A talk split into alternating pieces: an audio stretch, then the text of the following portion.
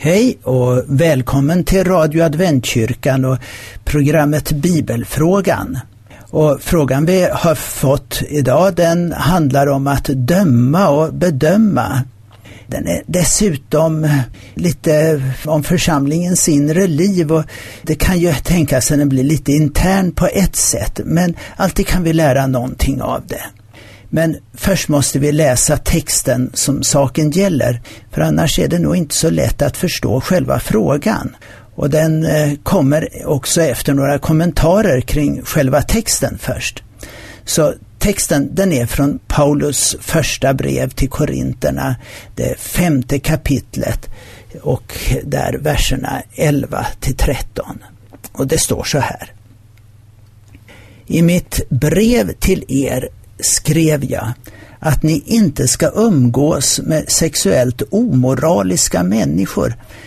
Jag menade inte alla omoraliska här i världen, inte alla giriga och utsugare och avgudadyrkare. Annars hade ni behövt lämna världen. Men eh, nu skriver jag till er att ni inte ska umgås med den som kallar sig broder och är sexuellt omoralisk, girig, avgudadyrkare, förtalare, drinkare eller utsugare. Men sådan ska ni inte ens äta. Är det min sak att döma de utomstående?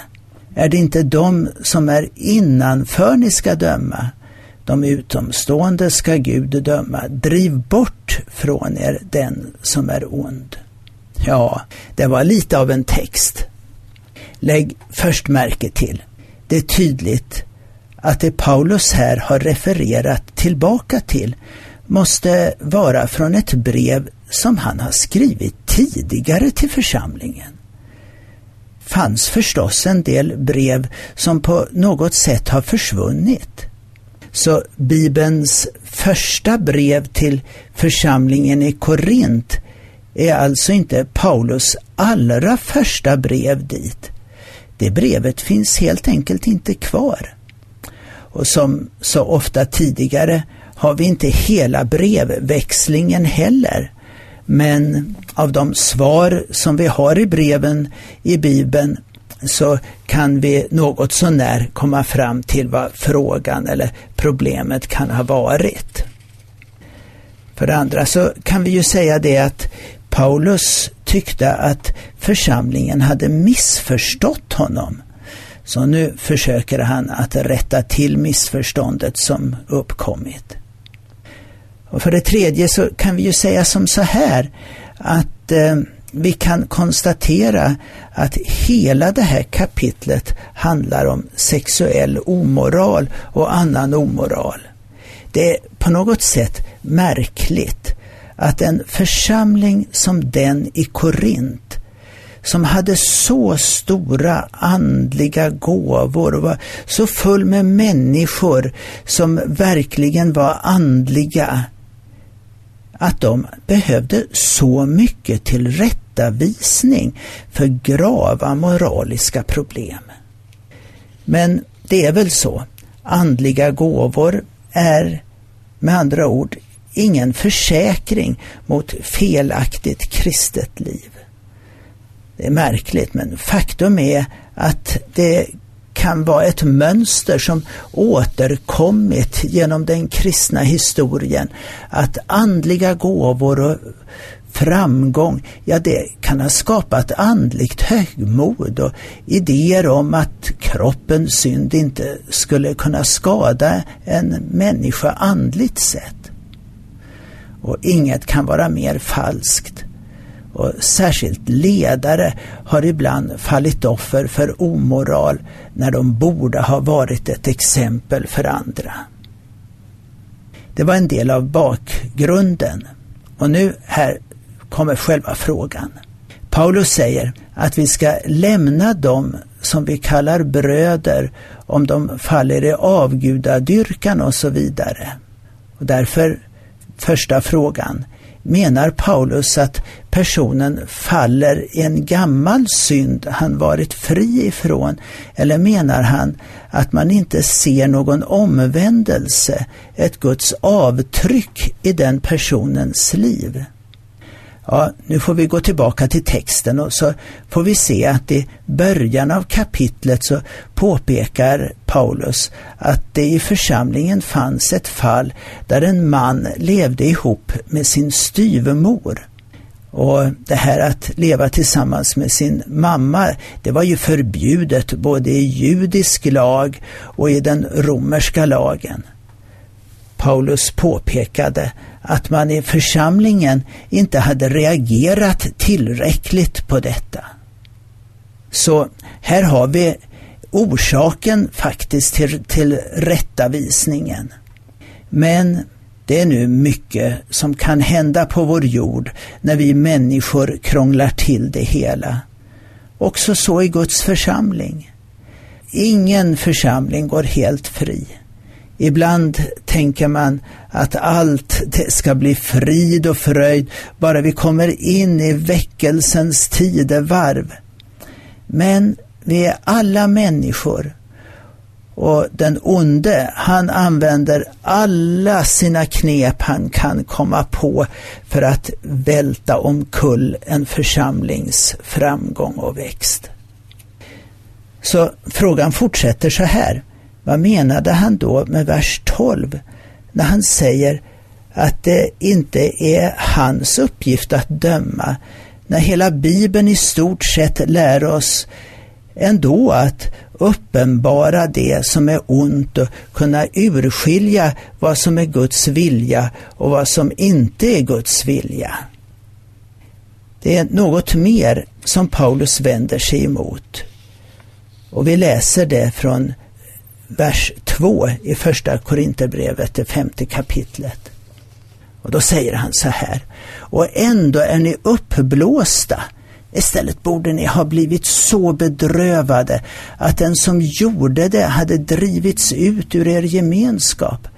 Jag som är frånvarande till kroppen men närvarande i anden har redan, som om jag var där, i vår Herre Jesu Kristi namn fällt domen över den som handlat så. När ni är samlade och min ande är hos er med vår Herre Jesu makt ska den mannen överlämnas åt Satan till köttets fördärv för att anden ska bli frälst på Herrens dag. Ja, Paulus dom över synden, den är tydlig och klar. Men han ser ett frälsande syfte med detta. Vi är ibland så måna om vår person att vi inte vill blamera oss, så att säga. Med andra ord, att vårt yttre är putsat och bra. Att vi faktiskt missar det viktigaste. Att vi ska bli frälsta på Herrens dag. Det är en människas frälsning som ligger så varmt om hjärtat på Paulus också i det här sammanhanget. Ja, det är faktiskt den bärande principen i allt det som Paulus säger och gör. Detta att evangelium kan predikas i hela världen och det ska vara till frälsning för alla dem som tar emot. Också för den som då har gått vilse. Så fortsätter han så här från vers 6. Ert skryt låter inte bra. Vet ni inte att lite surdeg syrar hela degen? Rensa bort den gamla surdegen. Ja, vad var det för skryt? Tidigare sa han att de var uppblåsta. Var de som vi kan vara kanske. Som tycker att vi idag är så upplysta och toleranta att vi ser tillbaka på de stackars kristna som förr i världen var så inskränkta och dömande. Man bör nog vara lite försiktig med att döma tidigare generationer. Och tänk om vi i närheten hos Jesus och hans försonande kärlek till oss kunde uppleva den förvandling som sätter allt annat i relation till just hans offer. Till påsken skulle nämligen alla judiska hem rensas på all surdeg som fanns i hemmet innan det ojästa brödet bakades. Frågan var, menar Paulus att personen fallit tillbaka i den synd han varit fri från eller menar han att man inte ser någon omvändelse? Om han tidigare i livet hade varit fast i liknande synd. Det står det inget om i texten. Men givetvis är det möjligt. Korint ser ut att ha varit en plats med mycket omoral, inte minst knuten till de hedniska templen. Däremot ser det ut som om mannen själv tills då inte hade visat någon ånger och bättring och dessutom verkade det som om han fått stöd från församlingen. Det betyder inte att Paulus inte ser någon möjlighet till räddning utan han faktiskt öppnar dörren för en förändring. Frågan fortsatte. I vers 12 står det sedan att det inte är Paulus ansvar att döma någon. Hur stämmer då det med det övriga? Ja, Paulus har här gjort en grov indelning på dem som inte tillhör församlingen och de som är medlemmar. Den första gruppen, de som inte är kristna, säger han att vi ska umgås med. Vi lever ju i världen och det är dessa som vi ska dela med oss utav evangeliet till. Evangelium och inte dom. Låt evangeliet gå ut.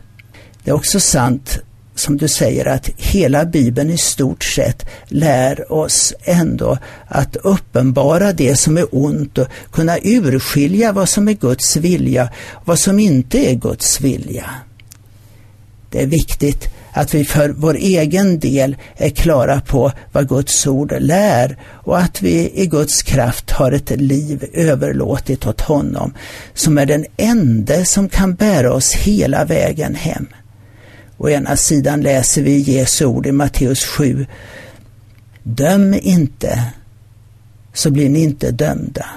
Med den dom som ni dömer med ska ni döma, och med det mått ni mäter med ska det mätas uppåt er. Varför ser du flisan i din broders öga men märker inte bjälken i ditt eget öga? Och hur kan du säga till din broder, låt mig ta bort flisan ur ditt öga, när du har en bjälke i ditt eget öga? Hycklare. Ta först bort bjälken ur ditt eget öga, så ser du klart nog för att ta ut flisan ur din broders öga om vetet och ogräset i åken, säger han i Matteus 13 och 30. Låt båda växa tillsammans fram till skörden. Alltså, att först se på sig själv och att sedan hjälpa den andra till rätta. Dessutom, rätta till det som går utan att ställa till med mer skada för andra. Jag är säker på att alla frågor inte är besvarade med det här. Men det är väl inte heller sista gången vi har bibelfrågan. Jag heter Hans Gille och du har lyssnat till Radio Adventkyrkan. Ring till 031 711 1199 och tala in din fråga eller beställ vårt månadsprogram. På återhörande.